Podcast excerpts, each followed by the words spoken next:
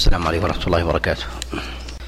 الحمد لله رب العالمين وصلى الله وسلم وبارك على نبينا محمد وعلى آله وأصحابه ومن تبعهم بإحسان إلى يوم الدين. أما بعد تكلمنا في المجلس السابق على تفسير قول الله عز وجل إن أول بيت وضع للناس للذي ببكة مباركا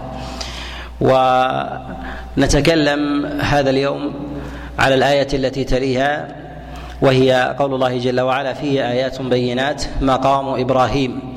ومن دخله كان آمنا. ذكر الله سبحانه وتعالى ما يتعلق بالبيت الحرام ونشأته وأسبقيته وأولويته من جهة الزمان ومن جهة التحريم. ومن جهة التحريم وكذلك أيضا التعظيم على الأصح من أقوال العلماء. وقد اختلف العلماء عليهم رحمة الله تعالى في التفاضل بين مكة والمدينة. أي أفضل. ذهب جمهور العلماء إلى أن مكة أفضل من المدينة من جهة من جهة ذات البقعة. وذهب الإمام مالك رحمه الله إلى أن المدينة أفضل أفضل من مكة والقول الأول أرجح. ولعله يكون ثمة موضع نتحدث فيه على التفاضل بين بين مكة بين مكة والمدينة. لما ذكر الله سبحانه وتعالى ما يتعلق بالمسجد الحرام وذلك بأسبقيته من جهة الزمان. ومعلوم أن أن الله جل وعلا قد جعل حرمة المكان قبل قبل ذلك. ولكن التعظيم والأحكام الشرعية المتعلقة ب بمسجد الكعبة إنما كانت إنما كانت في زمن إبراهيم. ولهذا قد جاء عن غير واحد من السلف جاء عن علي بن أبي طالب وكذلك قتادة أن هذا الموضع معظم. ولكن الله سبحانه وتعالى قد جعل هذه الأوصاف فيه هدى ومباركا وجعله أيضا أمنا. جعل الله عز وجل ذلك في زمن الخليل الخليل إبراهيم وروي هذا القول عن قتادة وغيره وغيره من السلف. وجاء في ذلك في بعض الإسرائيليات وغيرها كالروايه كبعض الروايات عن وهب بن منبه وغيرها ان آدم عليه الصلاة والسلام طاف في المسجد الحرام. وهذا وهذا لا يصح فيه خبر عن رسول الله صلى الله عليه وسلم. جاء فيه بعض الروايات من حديث عبد الله بن عمر ولا تثبت عن النبي صلى الله عليه وسلم. وإنما الأقوال في ذلك إنما هي آثار وكذلك أيضا في بعض الإسرائيليات في هذا في هذا الباب. وهنا في قول الله عز وجل فيه آيات بينات يعني البيت الحرام. البيت الحرام. والآيات البينات ما جعله الله عز وجل من شعائر وكذلك أحكام وفضائل الأعمال وما جعل فيه من خصائص العمل وكذلك القول مما لا يكون لا يكون إلا إلا فيه. وهنا في قوله فيه آيات بينات مقام إبراهيم. مقام إبراهيم إذا ذكر في كلام السلف فيراد به معنيين. المعنى الأول هو المعنى المعنى الخاص. والمراد بذلك هو مقام إبراهيم المعروف الذي قام عليه ثم أخذ ابنه يناوله يناوله الحجارة لبناء لبناء الكعبة. وتقدم الإشارة إلى هذا المعنى في سورة في سورة البقرة. هذا هو المعنى المعنى الخاص. وليس هو المراد في هذه في هذه الآية وإنما المراد في ذلك هو ما هو أعم من هذا. ومقام إبراهيم قد جاء في هذه الآية في سورة آل عمران وجاء كذلك في سورة البقرة. فالمراد بسورة البقرة هو المعنى الخاص والمراد بسورة آل عمران هو المعنى العام. وهو المعنى المعنى الثاني. المعنى الثاني من مقام إبراهيم هو المعنى العام الشامل لجميع أعمال المناسك سواء كان ذلك في الحل أو في الحرم. ومقام إبراهيم الذي قام به إبراهيم متعبدا لله سبحانه وتعالى سواء كان ذلك بالطواف على البيت أو كان ذلك بالسعي بين الصفا والمروة أو كان ذلك بالوقوف بعرفة أو المبيت مزدلفة ومنى وكذلك أيضا رمي الجمار وغير ذلك من الأحكام من النحر وغيرها فهذه فهذه من مقام من مقام إبراهيم. جاء هذا عن غير واحد من السلف قد جاء عن عبد الله بن عباس قد رواه عنه عطاء كما رواه ابن المنذر وكذلك ابن أبي حاتم وابن جبير وابن جرير الطبري عن عطاء عن عبد الله بن عباس عليه رضوان الله تعالى في قوله مقام إبراهيم. قال البينة هي ما قام عليه إبراهيم. ومقام إبراهيم الحج كله. يعني يعني حج المسجد الحرام في جميع المواضع التي وضع إبراهيم قدمه فيها فهي داخلة في هذا المعنى العام في هذه في هذه الآية. وجاء تفسير ذلك أيضا عن غير واحد من السلف. جاء عن سعيد بن جبير ومجاهد بن جبر وعطاء وغيرهم أن المراد بمقام إبراهيم في هذه الآية هو المعنى هو المعنى العام.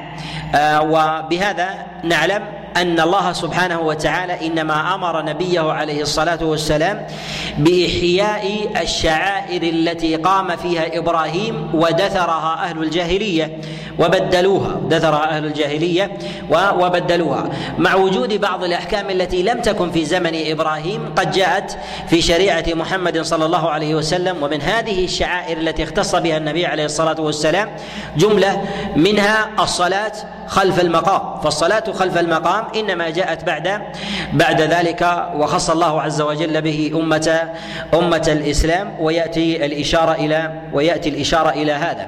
مقام إبراهيم بالمعنى الخاص وهو الذي قد قام عليه قام عليه ويناوله إسماعيل الحجارة. وإنما كان إسماعيل هو الذي يعاون أباه إبراهيم في بناء المسجد الحرام لأنه كان أكبر من إسحاق لأنه كان أكبر أكبر من إسحاق بثلاث عشرة سنة. فكان معاونا لأبيه ببناء ببناء البيت وتناوله أمه الحجارة فيناول هو الحجاره لأبيه. وأصبح هذا المقام الذي قام عليه إبراهيم هو المقصود بسورة البقرة وهو أيضا المعنى الخاص عند إطلاق السلف في إراد في إيرادهم للأحكام المتعلقة بمقام بمقام إبراهيم. وأصل مقام إبراهيم إنما إنما هو بجوار جدار الكعبة. إنما هو بجوار جدار الكعبة. ثم نقل بعد ذلك. ثم نقل بعد ذلك. لأن هذا مقتضى أصل البناء. لأن الإنسان إذا أراد أن يبني حائطا وأراد أن يقوم على شيء فإنه يقوم على أصل هذا الحائط أو بجواره. وهذا ما كان يفعله الخليل إبراهيم وكذلك ابنه إسماعيل. وثم بعد ذلك حرك بعد بعد هذا. والتحريك من التحريك إنما كان من عمر بن الخطاب بعد وفاة رسول الله صلى الله عليه وسلم. كما جاء ذلك عنه كما جاء في حديث عائشة فيما رواه البيهقي من حديث هشام بن عروة عن أبيه عن عائشة عليها رضوان الله تعالى أنها قالت نقل عمر بن الخطاب الحجارة من عند البيت إلى مقامه هذا. وهذا عن عمر بن الخطاب مستفيض وهو محل اتفاق. قد حكاه عنه مجاهد كما رواه ابن جرير عن حميد عن مجاهد أنه قال أول من حرك مقام إبراهيم هو عمر بن الخطاب وجاء ذلك أيضا عن عطاء عطاء بن أبي رباح إمام أهل المناسك. ولا يختلف السلف عليهم رحمة الله تعالى في هذا أن أول من حرك مقام إبراهيم هو عمر بن الخطاب فحركه إلى إلى ما هو أبعد من ذلك. ثم جرفه السيل بعد ذلك فأعاده عمر بن الخطاب إلى إلى موضعه الذي هو فيه. والعلماء يتفقون على على مشروعية ما جاء عن عمر ويعللون ذلك بجملة من العلل منها ما جاء عن النبي عليه الصلاة والسلام من الوصية بهدي وسنن الخلفاء الراشدين فيما رواه الإمام أحمد وكذلك أيضا أهل السنن. أن النبي صلى الله عليه وسلم قال عليكم بسنتي وسنة الخلفاء الراشدين المهديين من بعد تمسكوا بها وعضوا عليها بالنواجذ. وهذا من حديث العرباض بن سارية. والأمر الثاني أن الصحابة عليهم رضوان الله لم يخالفوا عمر بن الخطاب في هذا ولا يحفظ عن أحد من الصحابة أنه خالف قول عمر أنه خالف قول قول عمر في ذلك، الأمر الثالث أن عمر بن الخطاب عليه رضوان الله هو من أعلم الناس بأحكام هذا فقد وافقه الله عز وجل في في أصل تشريع الصلاة خلف مقام إبراهيم، فإن أصل التشريع لم يكن موجودا. فقال عمر بن الخطاب عليه رضوان الله للنبي عليه الصلاة والسلام لو صلينا خلف مقام إبراهيم. لو صلينا خلف مقام إبراهيم فأنزل الله عز وجل على نبيه عليه الصلاة والسلام واتخذوا من مقام إبراهيم مصلى. فأصبح بعد ذلك شرعة. فهذا من المسائل التي التي وافق عمر بن الخطاب عليه رضوان الله تعالى ربه بها. وافق عمر بن الخطاب ربه بها فلما كان من أولى أو أولى الصحابة عليهم رضوان الله تعالى بمعرفة هذا الحكم كان الاقتداء بذلك من الصحابة عليهم رضوان الله تعالى ظاهرا. فلهذا لم يخالف في هذا في هذا الأمر. وقصد الصلاة والتوجه إلى مقام إبراهيم بالعبادة إنما هو في موضعه الأول لا في موضعه المنقول. لا في موضعه الأول لا في موضعه المنقول لأن العبرة بالمقام لا بالحجارة. العبرة بالمقام لا بالحجارة.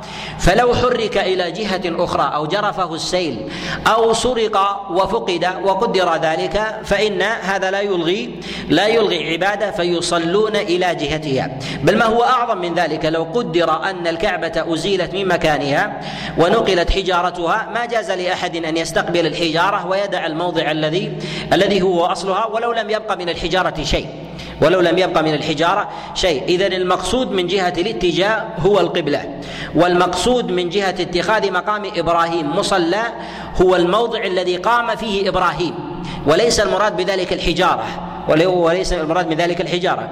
فلو نقلت الحجارة إلى جهة أخرى أو أخذت وأخفيت أو غير ذلك كما نقل الحجر الأسود في أخذ القرامطة له لا يتغير في ذلك الحكم. وعلى هذا من صلى خلف من صلى أمام الحجارة الموجودة اليوم بمقام إبراهيم وصار وصارت خلفه الحجارة. فقد صلى خلف مقام إبراهيم.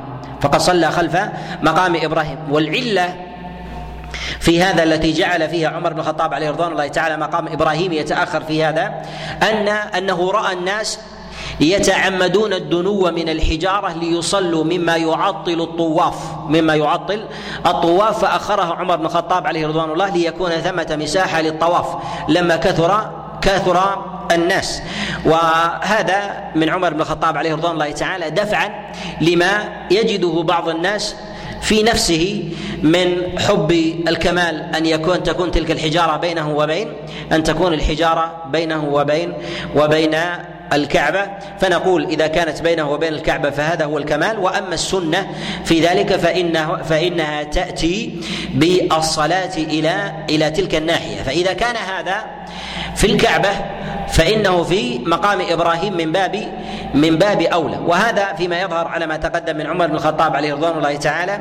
إنما هو دفع لما يتوهمه البعض وما يجد الناس في نفسه من قصد الحجارة. فلو أراد منهم أن يتأخروا أن يتأخروا ويبتعدوا من الدنو من ذات الحجارة ربما لتكلف بعضهم أو وجد في نفسه من البعد عن هذه عن هذه الحجارة. وإلا من جهة الأصل فحجارة المسجد حجارة الكعبة التي بنيت فيها من جهة النظر أعظم من الحجارة التي قام عليها إبراهيم باعتبار أن الإنسان لا يتوجه إلى المقام وإنما يتوجه إلى إلى الكعبة. فلو أن إنسانا استدبر الكعبة واستقبل مقام إبراهيم لا عد مخالفا لا عد مخالفا وصلاته في ذلك في ذلك باطله لأنه استدبر الكعبة. اذا الاتجاه إلى الكعبة أعظم من الاتجاه الاتجاه إلى غيره. وما زال الناس في الجاهلية وكذلك أيضا في الإسلام يغيرون حجارة الكعبة عند تكسرها أو عند عدم أو تفتتها أو عدم الانتفاع بها ويغيرونها إلى ويغيرونها إلى غيرها. وسمعت انها أنها من قريب غيرت بعض الحجارة ثم ثم حملت ووضعت في سفينة ثم ركب في البحر ثم رميت في البحر. هذه الحجارة مما كان في الكعبة خشية ان أن يتعلق الناس بهذه بهذه الحجارة بعينها إما ب إما بتبرك أو تمسح أو طواف أو طواف بها. ولهذا نقول إن الحكم الشرعي متعلق بالمكان. الحكم الشرعي متعلق في ذلك بالمكان. وأما بالنسبة للحجارة فإنها شاهد وعلم. إنما هي شاهد شاهد وعلم ليتوجه الناس ليتوجه الناس إليها. وفي قوله سبحانه وتعالى فيه آيات بينات يعني في البيت الحرام جملة من الآيات البينات.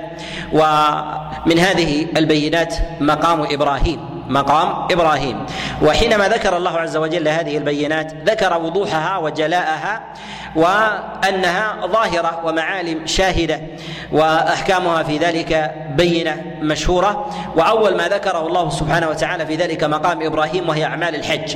وهي أعمال الحج. وفي قوله هنا من دخله كان آمنا. المراد بذلك هو من دخل من دخل المسجد الحرام.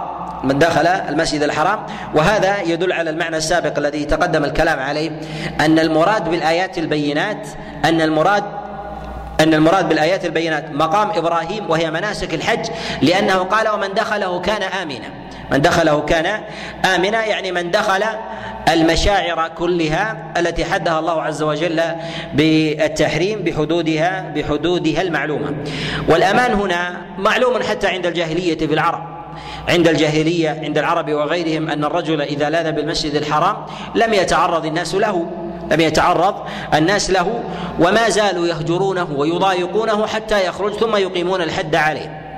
ثم يقيمون الحد عليه. وقد اختلف العلماء عليهم رحمة الله تعالى في إقامة الحدود في إقامة الحدود في الحرم. اختلفوا في هذه المسألة على عدة أقوال. من العلماء والقول الأول من العلماء من قال بأن الحدود تقام في الحرم وجعلوا ذلك على الإطلاق. وقال بهذا الإمام مالك رحمه الله.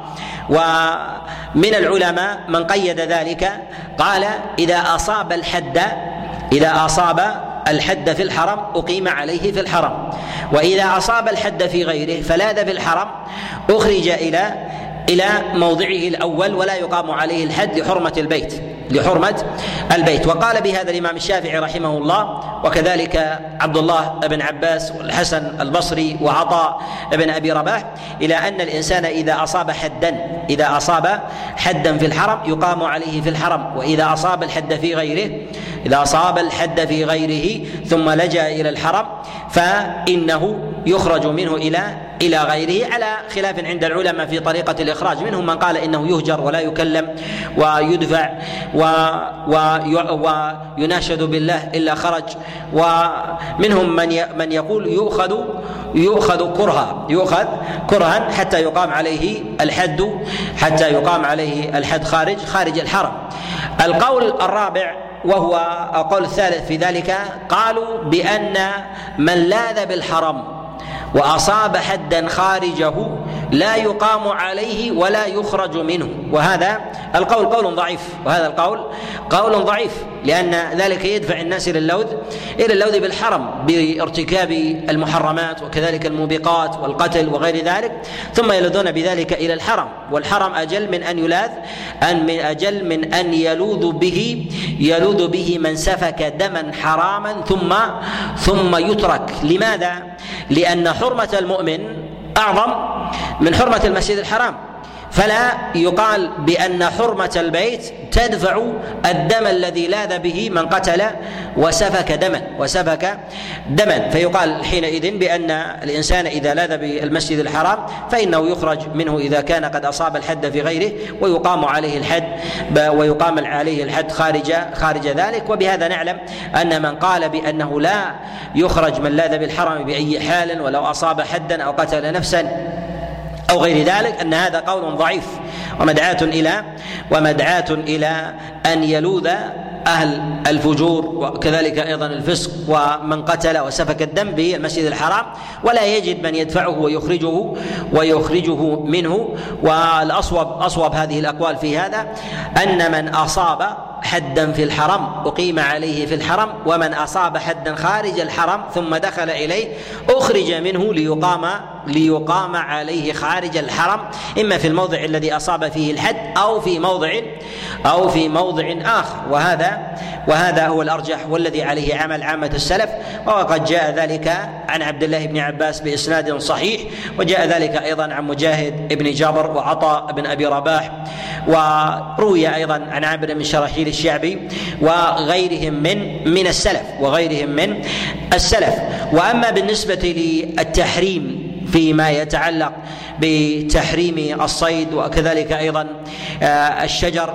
فنقول إن الله عز وجل قد حرم الصيد في الحرم وحرم أيضا قطع الشجر. والمراد بالصيد هو ما كان قائما ما كان قائما فيها مما توحش. ما كان قائما فيها مما مما توحش. وأما ما لا يطلق عليه صيد وذلك من بهيمة الأنعام من الإبل والبقر والغنم مما يرعاها الناس أو يقتنونها في بساتينهم آه، أو في دورهم أو من الطيور مما يربى وذلك آه، كالطيور المستانسة مما تستانس عادة وذلك كالدجاج والإوز والحمام الإنسي الذي لا الذي لم يستوحش. فيقال حينئذ أن هذا مما يربى أن هذا مما يربى ومعرفته في ذلك أنه يوضع في الدور يوضع في الدور ويتوالد ويتوالد ثم يطعمه الناس. فهذا لا حرج على الإنسان لا حرج على لا حرج على الإنسان أن أن ينحره. وأما بالنسبة للمتوحش للمتوحش فنقول إن المتوحش في ذلك على حالين. الحالة الأولى متوحش في حدود الحرم فهذا لا يجوز للإنسان أن يتعرض له بحال أن يتعرض له بحال إلا إذا اعتدى عليه إذا خشي مثلا صولة أو نحو ذلك فنقول حينئذ يدفعه بما يدفعه بما بما يستطيع. وذلك مثلا كالضبع وهو وهو صيد. والضبع صيد كما جاء النبي عليه الصلاة والسلام في حديث وجاء أيضا عن أبي هريرة عليه رضوان الله تعالى. فلو صال على الإنسان له أن يدفعه له أن أن يدفعه. وأما بالنسبة للإنس ما يستأنس من البهائم عادة ثم توحش بعد ذلك مما توحش بعد ذلك. وذلك مثلا كالحمير وكذلك أيضا للخيل. فنقول إن الحمير الوحشية أكلها أكلها حلال فتتحول إلى إلى صيد. والحمير الإنسية محرمة.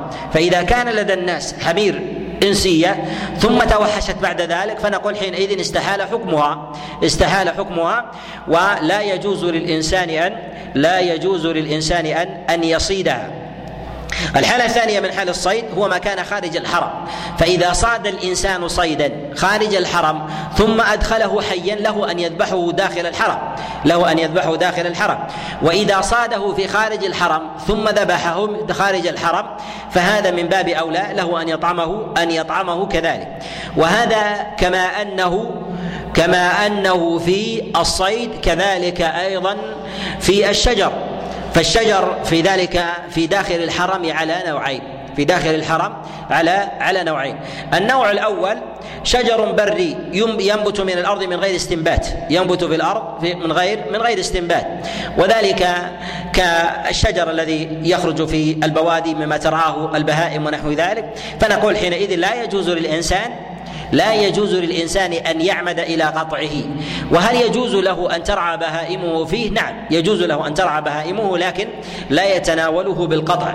وأما الحالة الثانية من من من الشجر هو ما يستنبت ما يستنبت ولو كان عادة ينبت من غير استنبات. ما يستنبت وذلك كما يزرع في في أفنية المنازل وكذلك أيضا في الطرقات. وفي الحدائق العامة فهذا مستنبت فهذا مستنبت. أخذ وضع فسائل أو بذور ثم ثم خرج. فحينئذ لا يأخذ تلك الحرمة وهذا كحكم البهائم البهائم الإنسية في حكمها كحال الإبل والبقر والغنم لأنها لأنها تأنس وتربى. فيجوز أن يقتلها الإنسان وأن ينحرها وأن يطعمها كذلك أيضا بالنسبة للشجر مما يستنبته الإنسان. لا حرج عليه أن يقصه وأن يتناول سواء كان مأكولا للإنسان أو يأخذه مثلا بنفسه حشيشا لغنمه أو غير ذلك فهذا باعتبار أن الإنسان هو الذي تناوله. وهل للإنسان وهل الإنسان يحرم عليه أن يعضد الشجر بإطلاق أم يستثنى من ذلك؟ عن البر يستثنى من ذلك من ذلك شيء؟ نقول استثنى النبي صلى الله عليه وسلم الإذخر وذلك لأنهم يحتاجونه في في طين في الطين وذلك للبناء وكذلك أيضا في قبورهم يضعون فيه اللبن حتى يتماسك. وكذلك يجوز للإنسان أن يقطع من الشجر ما يفسد على الناس طريقهم ما يفسد على الناس طريقهم وذلك إذا قصد تعبيد الطريق مثلا أن يصنع من ذلك سكة من السكك ليسير الناس ويعترض ذلك من الشجر فنقول حينئذ لا حرج لا حرج في ذلك. ويجوز للإنسان أن ترعى بهائمه من ذلك من ذلك أيضا من ذلك من تلك من ذلك الشجر الذي يكون في حدود في حدود الحرم. لكن ليس للإنسان أن يباشر أن يباشر تلك أو أو ذلك الشجر بنفسه. ولكن لو باشره حيوان أو نحو ذلك فنقول حينئذ إذا كان من غير من غير مباشرة الإنسان بنفسه فإن هذا فإن هذا مما لا حرج مما لا حرج لا حرج فيه. وهنا في قوله ومن دخله كان كان آمنا. ولله على الناس حج البيت من استطاع إليه سبيله. هذه الآية بها فرض الله سبحانه وتعالى على رسول الله صلى الله عليه وسلم حج البيت. وكان النبي صلى الله عليه وسلم قد حج قبل ذلك.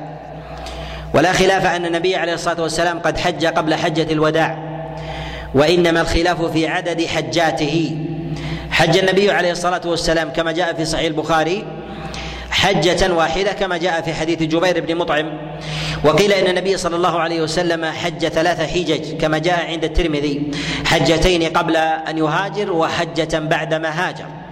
ونقول إن ثابت عن النبي عليه الصلاة والسلام أنه حج مرتين حجة قبل أن يهاجر وحج حجة بعدما هاجر وهي وهي حجة ما تسمى بحجة حجة الوداع. وأما غير ذلك فنقول محتمل إلا أن الدليل لم يثبت فيه عن رسول الله صلى الله عليه وسلم. وأما العمرة فكانوا يعتمرون فكانوا يعتمرون إلا أنهم يحرمونها يحرمونها في الأشهر في أشهر الحج. وتقدم الإشارة معنا إلى هذا عند قول الله عز وجل وأتموا الحج والعمرة لله وكذلك أيضا في قول الله سبحانه وتعالى الحج أشهر معلومات فمن فرض فيهن الحج تقدم معنا الإشارة إلى أشهر الحج وكذلك أيضا العمرة والأزمنة التي والأزمنة التي شرع الله عز وجل الحج والعمرة فيها وذكرنا أن الله سبحانه وتعالى قد جعل المواقيت للحج وقيدها سبحانه وتعالى ومواقيت الحج الزمانية هي شوال وذو القعدة وعشر من ذي الحجة على قول جمهور العلماء على قول جمهور العلماء والمكانية معلومة وأما بالنسبة للعمرة فيتفق العلماء على أن العمرة جائزة في أي يوم من أيام السنة من ليل أو نهار وإنما الخلاف في يوم عرفة وإنما الخلاف في يوم في يوم عرفة. فذهب جمهور العلماء إلى جوازها وذهب أبو حنيفة إلى كراهة ذلك. ذهب أبو حنيفة إلى كراهة ذلك. قال لأنه يوم الموقف ويوم المشهد فالناس تتوجه إلى إلى إلى ذلك إلى ذلك المكان. وقوله جل وعلا ولله على الناس حج البيت من استطاع إليه سبيلا. هنا فرض الله سبحانه وتعالى الحج على الناس. والحج لا يكون إلا لا يكون إلا إلى البيت الحرام. والخطاب هنا في الناس شامل لكل لكل مكلف من من ذكر أو أنثى من ذكر أو أو أنثى. وفي قوله أيضا هنا لله على الناس يعني فريضة فرضها الله عز وجل. والحج ركن من أركان الإسلام كما جاء النبي عليه الصلاة والسلام في حديث عبد الله بن عمر. قال قال قال بني الإسلام على خمس شهادة أن لا إله إلا الله وأن محمد رسول الله وإقام الصلاة وإيتاء الزكاة وصوم رمضان وحج البيت من استطاع إليه سبيلا وكذلك أيضا في حديث أبي هريرة في قصة جبريل لما جاء النبي عليه الصلاة والسلام وسأل جبريل رسول الله صلى الله عليه وسلم عن الإسلام. قال الإسلام أن تشهد أن لا إله إلا الله وأن محمد رسول الله وتقيم الصلاة وتؤتي الزكاة وتصوم رمضان وتحج البيت إن استطعت إليه إليه سبيلا. وجاء أيضا في حديث ابن عمر عن أبي أيضا في صحيح الإمام مسلم من فرد بإخراجه عن البخاري بسؤال جبريل أيضا للنبي عليه الصلاة والسلام وفي قصة واحدة. وغير ذلك من الأحاديث في بيان ركنية الحج. وإنما وقع الاختلاف في تقديم الحج على الصيام. ولا خلاف عند العلماء في تقديم الزكاة على الصيام. الصيام والحج. وكذلك أيضا في ظاهر الروايات. جاء في بعض الروايات تقديم الحج على الصيام. قال أن قال وحج البيت وصوم رمضان. قال وحج البيت وصوم وصوم رمضان. وهذا التقديم. منه أخذ بعض العلماء قال إن الحج يقدم من جهة المنزلة على الصيام. ومنهم من قال الصيام والأشهر عند السلف تقديم الصيام على الحج. تقديم الصيام على على الحج وهذا عليه أشهر الروايات الأشهر الروايات في الصحيحين وغيرهما. وركنية الحج لا خلاف لا خلاف فيها وإنما وقع الخلاف في حكم تارك الحج حكم تارك تارك الحج مع القدرة عليه مع القدرة عليه. وقد سبق معنا الكلام على الحج هل هو على الفور أم على التراخي؟ تقدم معنا هذا عند تفسير قول الله عز وجل وأتموا الحج والعمرة لله. وأتموا الحج والعمرة لله. هل هو على الفور أم على أم على التراخي؟ وأما من ترك الحج أما من ترك الحج متعمدا مع مرور الأعوام عليه وهو وهو مستطيع. وهو مستطيع. ذهب عامة العلماء وأكثر السلف إلى أنه مرتكب لكبيرة من كبائر الذنوب ولا يكفر بفعله ذلك. والقول الثاني قالوا بكفره قالوا بكفره وأن حكمه كحكم تارك الصلاة عمدا. أن حكمه كحكم تارك الصلاة عمدا. ذهب إلى هذا بعض السلف. ذهب إلى هذا بعض السلف. هذا القول مروي عن سعيد بن جبير ومروي أيضا عن الحكم بن عتيبة وهو رواية عن الإمام أحمد وقال بها ابن حبيب من المالكية وهو قول إسحاق بن راهوية عليه رحمة الله إلى أن من ترك الحج متعمدا إلى أن من ترك الحج متعمدا فهو كافر. وأكثر العلماء وعامتهم إلى عدم الكفر. وقد جاء عن عمر بن الخطاب عليه رضوان الله تعالى أنه قال لقد هممت أن أبعث إلى أقوام عندهم الجدة فلم يحجوا أن يضربوا عليهم الجزية ما هم بمسلمين ما هم بمسلمين. وهذا إسناده صحيح عن عمر بن الخطاب وهو أظهر وأقوى وأعلى النصوص في كفر تارك الحج عمدا. في كفر تارك تارك الحج عمدا من غير من غير عذر. وتؤول ذلك على أقوال منهم من قال إنه قصد بذلك أن هذا اماره على الجحد اماره على الجحد وذلك لما ظهرت الردة ولم يكن ثمة شواهد على ثمة شواهد على بقاء الناس على ما كانوا عليه ولكن ولكن نقول هذا هذا فيه نظر. هذا فيه نظر. لماذا؟ لأن عمر بن الخطاب عليه رضوان الله تعالى قال أن يضربوا عليهم الجزية لأن من كان على الإسلام ثم ترك ما تضرب عليه الجزية لأنه مرتد. لأنه مرتد يؤمر بدخول الإسلام أو القتل. يمر بدخول الإسلام أو القتل. وفي قول عمر بن الخطاب يضرب عليهم الجزية يعني أنهم ليسوا على الإسلام من جهة من جهة الأصل لا أنهم دخلوا الإسلام ثم خرجوا خرجوا منه. وأما الأحاديث التي جاءت عن النبي عليه الصلاة والسلام في المرفوع بنحو حديث عبد الله بن عمر فلا يثبت في ذلك شيء. جاء من حديث أبي أمامة وجاء أيضا من من مرسل بن سابط وجاء أيضا من حديث وجاء من حديث أبي هريرة عليه رضوان الله تعالى ومن حديث علي بن أبي طالب. ولا يثبت من ذلك شيء عن رسول الله صلى الله عليه وسلم. ولا يثبت من ذلك شيء عنه عليه عليه الصلاة والسلام. وكل الأحاديث في كفر تارك الحج ضعيفة لا يثبت منها لا يثبت منها شيء. وأما في قول الله سبحانه وتعالى هنا من استطاع إليه سبيلا ومن كفر فإن الله غني عن العالمين. الكفر هنا في هذه الآية حمله غير واحد من السلف على الجحود. وهذا جاء عن عبد الله بن عباس عليه رضوان الله. جاء عن عبد الله بن عباس عليه رضوان الله أن المراد بالكفر هنا قال ومن كفر يعني كفر بالتشريع كفر بالتشريع فإن الله غني عن عن العالمين. و ومنهم من حمله على المعنى العام يعني كفر الفعل وهذا وهذا هو الذي ذهب إليه على ما تقدم ممن قال بكفر بكفر تارك الحج. وأما بالنسبة للاستطاعة في قول الله سبحانه وتعالى من استطاع إليه سبيلا. من استطاع إليه من استطاع إليه سبيلا. نقول الاستطاعه في كلام الله سبحانه وتعالى ظاهرة ومردها إلى اختلاف أحوال الناس. أيضا تقدم الإشارة معنا إلى مسألة الاستطاعة وما يجب على الإنسان في آه، مما يجب عليه الحج.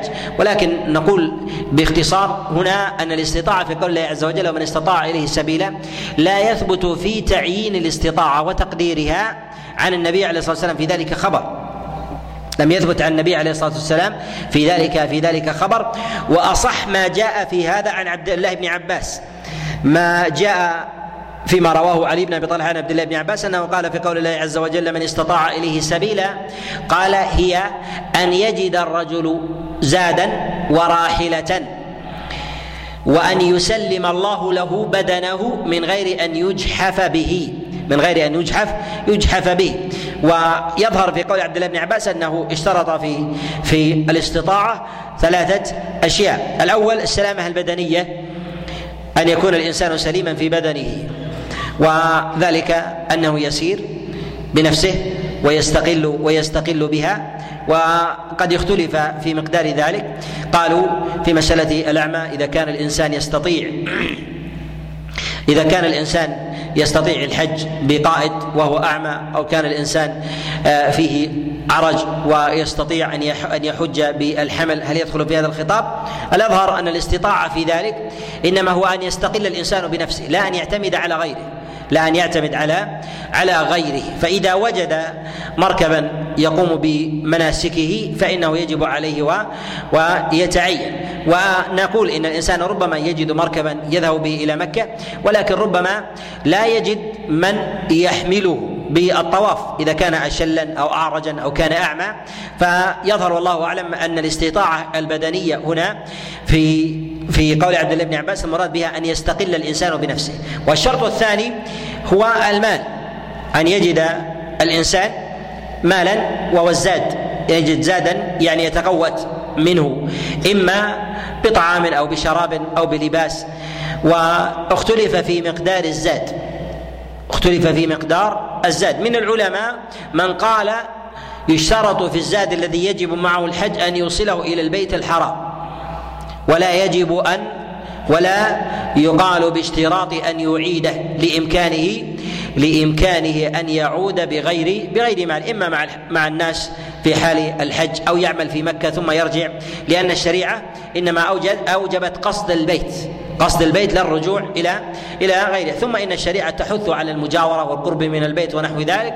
فمن العلماء من يقيد ذلك بالقدرة المالية إلى بالذهاب إلى إلى المسجد الحرام. والأظهر والله أعلم أن القدرة المالية المرادة بالذهاب والإياب.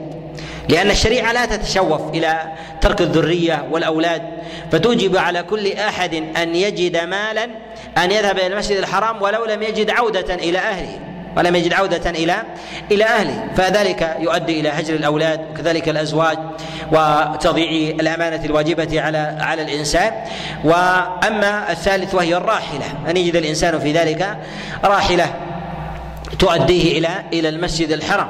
والرواحل في ذلك تختلف بحسب بحسب الحال وكذلك أيضا بحسب بحسب الزمان. وأما الاحاديث الوارده عن النبي عليه الصلاة والسلام في أن الاستطاعة هي الزاد والراحلة فالاحاديث في ذلك ضعيفه جاء في حديث عبد الله بن عباس عليه رضي الله تعالى وغيره والصواب فيها الإرسال والصواب فيها الإرسال. المراد بالاستطاعة هي الزاد هي الزاد والراحلة.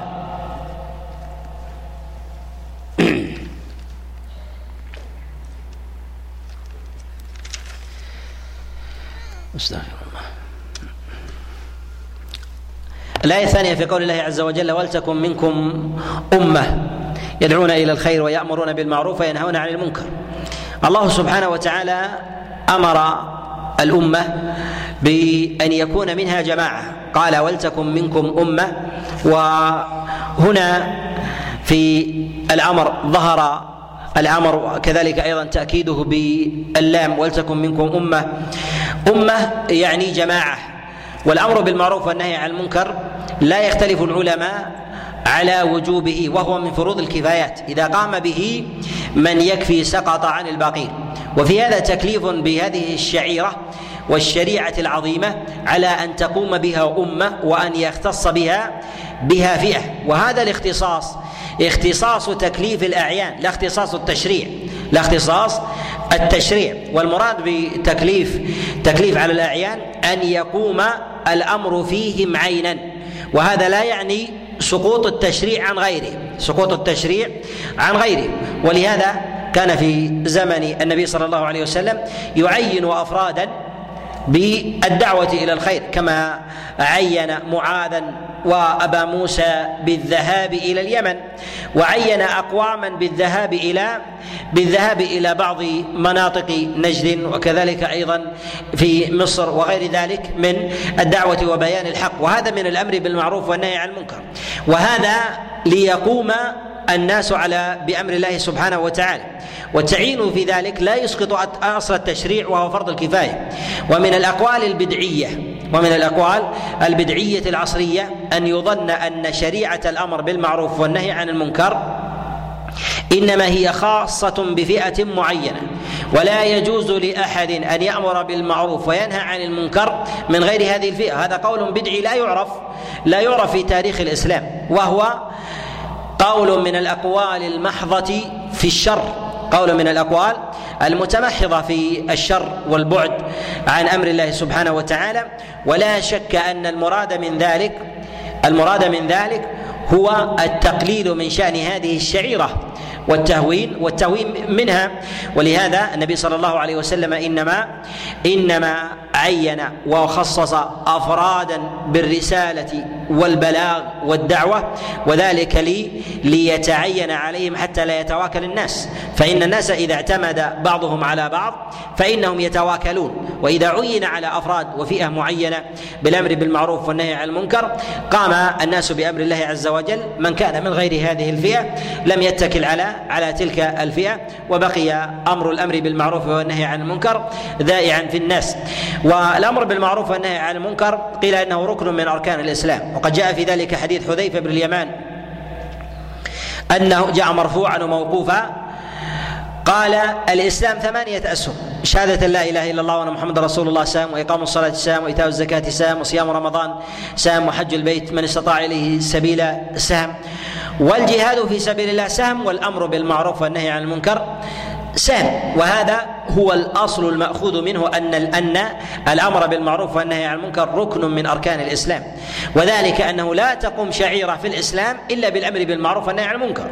إلا بالأمر بالمعروف والنهي عن المنكر وكذلك أيضا الجهاد في سبيل الله ركن من أركان الإسلام لأنه من جنس الأمر والنهي لأنه من جنس الأمر الأمر والنهي إلا أنه أخص من جهة المعنى إلا أنه أخص من جهة من جهة المعنى فلا يقوم التوحيد إلا إلا بالأمر بالمعروف والنهي عن المنكر والجهاد في سبيل الله بالجهاد في سبيل الله. وأما الأمر بالمعروف والنهي عن المنكر فهو أوسع من الجهاد والجهاد في ذلك أخص.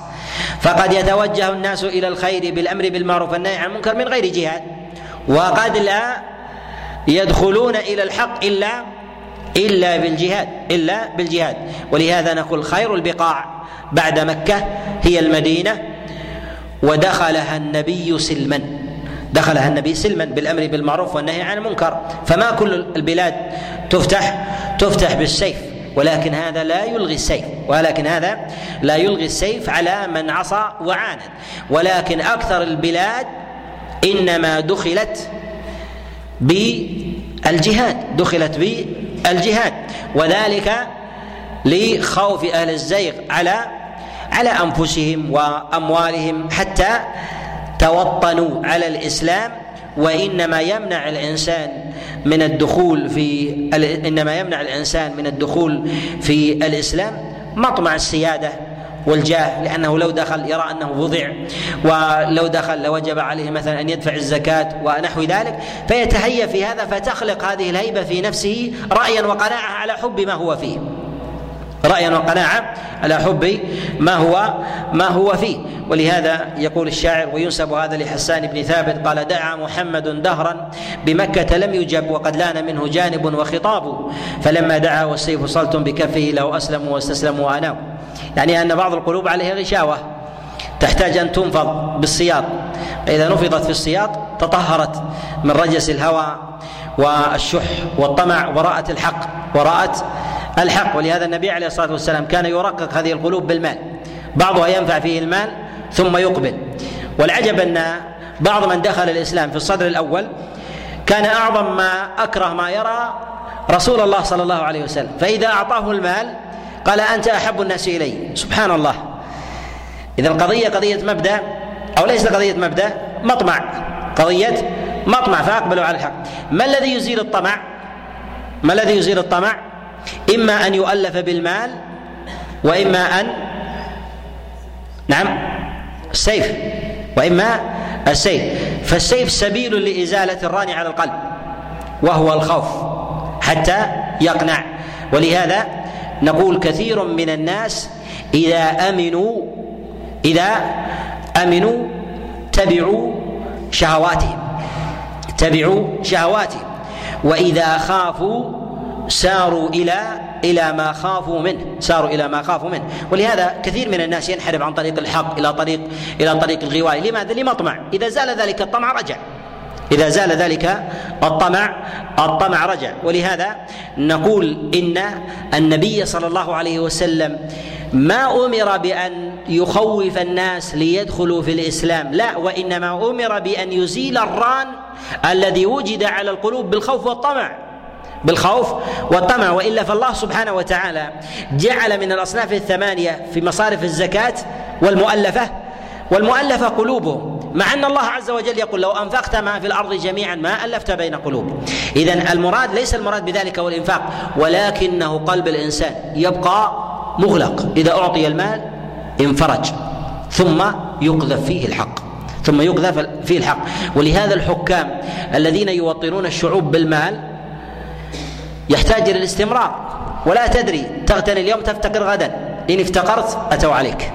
ولهذا نجد ان ان أن الصحابة عليهم رضوان الله تبعوا النبي عليه الصلاة والسلام على الحق. ولما أقبلوا معه على الحق تبعوه وهم حفاة عراة. وهم حفاة عراة يقاتلون على ملء بطونهم. على ملء بطون بطونهم. ولهذا النبي عليه الصلاة والسلام لا يعطي الناس المال ليرشيهم ليقبلوا على الحق لا ولكن لير لي لي لينفرح لينفتح وينفرج القلب ثم يقذف فيه الحق ثم يقذف فيه فيه الحق فإذا قذف في ذلك الحق فإن ذا هذا من آه اليقين والإيمان فيقبل في ذلك فيقبل في ذلك كذلك أيضا الوجه الآخر هو مسألة مسألة الخوف مسألة الخوف لأن من الناس حتى لو أعطيته مال تمرد ولكن يحتاج إلى ماذا؟ يحتاج إلى أن يقوم أن يقوم بالسيف أن يقوم بالسيف. وهنا في قول الله سبحانه وتعالى ولتكن منكم أمة. الخطاب في هذا لأمة الإسلام عموما إشارة إلى أن يكون منهم أقوام يختصون بهذه الشعيرة وهي شعيرة الأمر بالمعروف والنهي عن المنكر. لهذا نقول إن خطاب الأمر بالمعروف والنهي عن المنكر من جهة صدوره توجه إلى فئتين الفئة الأولى إلى الحكام إلى الحكام أن يجعلوا في الأمة أفرادا معينين يقوموا بشعيرة الأمر بالمعروف والنهي عن المنكر. شعيرة الأمر بالمعروف والنهي عن المنكر. وشعيرة الأمر بالمعروف والنهي عن المنكر ليست بالمعنى المستفاض المشهور عند في زماننا. أنها عند ورود الخطأ أن أنه ينصح وينهى ويؤمر الإنسان عند الترك. لا يدخل في هذا المعنى العام. الدعوة دعوة الناس إلى الخير دعوة الناس إلى الخير. بإرشادهم تعليم الجاهل وبيانه ويدخل في هذا أبواب كثيرة جدا من الدروس محاضرات والتأليف وقصد الناس مثلا بالذهاب إليهم في مواضعهم تعليم الجاهل وتذكير الناس. كل هذا داخل في أبواب الأمر بالمعروف والنهي والنهي عن المنكر. فهذا يكون الأعيان على الحكام عينا أن يجعلوا في رعيتهم أقواما يقومون بهذا بهذا الأمر يقومون بهذا الأمر. الفئة الثانية خطاب يتوجه إلى الأفراد يتوجه إلى الأفراد أن يقوموا بهذه الشعيرة أن يقوموا بهذه الشعيرة وهي شعيرة الأمر بالمعروف والنهي عن المنكر كل بحسبه كل بحسبه كما جاء النبي عليه الصلاة والسلام في حديث أبي سعيد الخدري من رأى منكم منكرا فليغيره بيده فإن لم يستطع فبلسانه فإن لم يستطع فبقلبه. وذلك أضعف وذلك أضعف الإيمان وهذه هي مراتب وهذه هي مراتب آه، مراتب الأمر بالمعروف والنهي عن المنكر ويتفق العلماء على أن ما يلحق الإنسان من أذى في الأمر بالمعروف والنهي عن المنكر إذا كانت الأذية اللوم الكلامي أنه لا يسقط التكليف.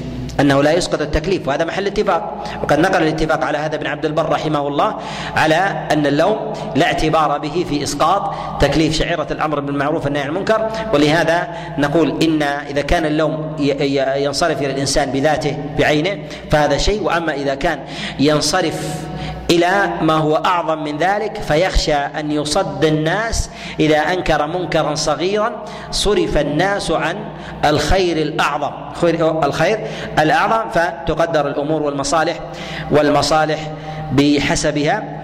وقوله جل وعلا هنا يدعون إلى الخير ويأمرون بالمعروف وينهون عن المنكر. هل الدعوة إلى الله تختلف عن الأمر بالمعروف والنهي عن المنكر؟ لا.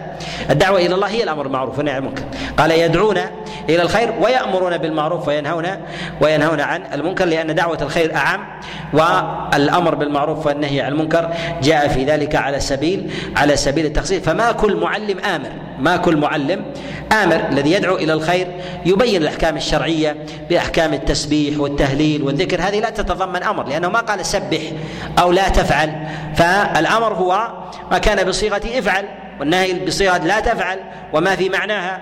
فالدعوة إلى الخير أعم من ذلك. يدخل فيها الأمر بالمعروف والنهي والنهي عن عن المنكر. قال الله جل وعلا وأولئك هم المفلحون. لا يتحقق فلاح الأمة وفوزها إلا بهذه الشعيرة وهي شعيرة الأمر بالمعروف والنهي عن المنكر.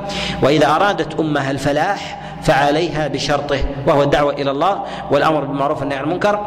والمراد بالفلاح والفوز والنجاة وكذلك الاستقرار وتمام الأمن وكذلك أيضا دفع الفتن وحماية البلدان وكذلك الأمة أفرادا وجماعات من عقوبة الله عز وجل لأن الله عز وجل لا يهلك القرى بظلم وأهلها وأهلها مصلحون. فهذا هو غاية تمام الصلاح العام للأمة وكذلك أيضا الفلاح ولهذا جاء عن غير واحد من السلف قال من أراد الفلاح فليعمل بشرطه. من أراد الفلاح من يعمل بشرطه وشرطه هنا هو الأمر بالمعروف والنهي والنهي عن المنكر ومن آه والأمر بالمعروف والنهي عن المنكر ومن أثقل الشعائر على المنافقين أثقل الشعائر المنافقين. ربما يأتي مزيد كلام معنا بإذن الله عز وجل في سورة التوبة. أسأل الله عز وجل لي ولكم التوفيق والسداد والإعانة. إنه ولي ذلك والقادر عليه. وصلى الله وسلم وبارك على نبينا محمد.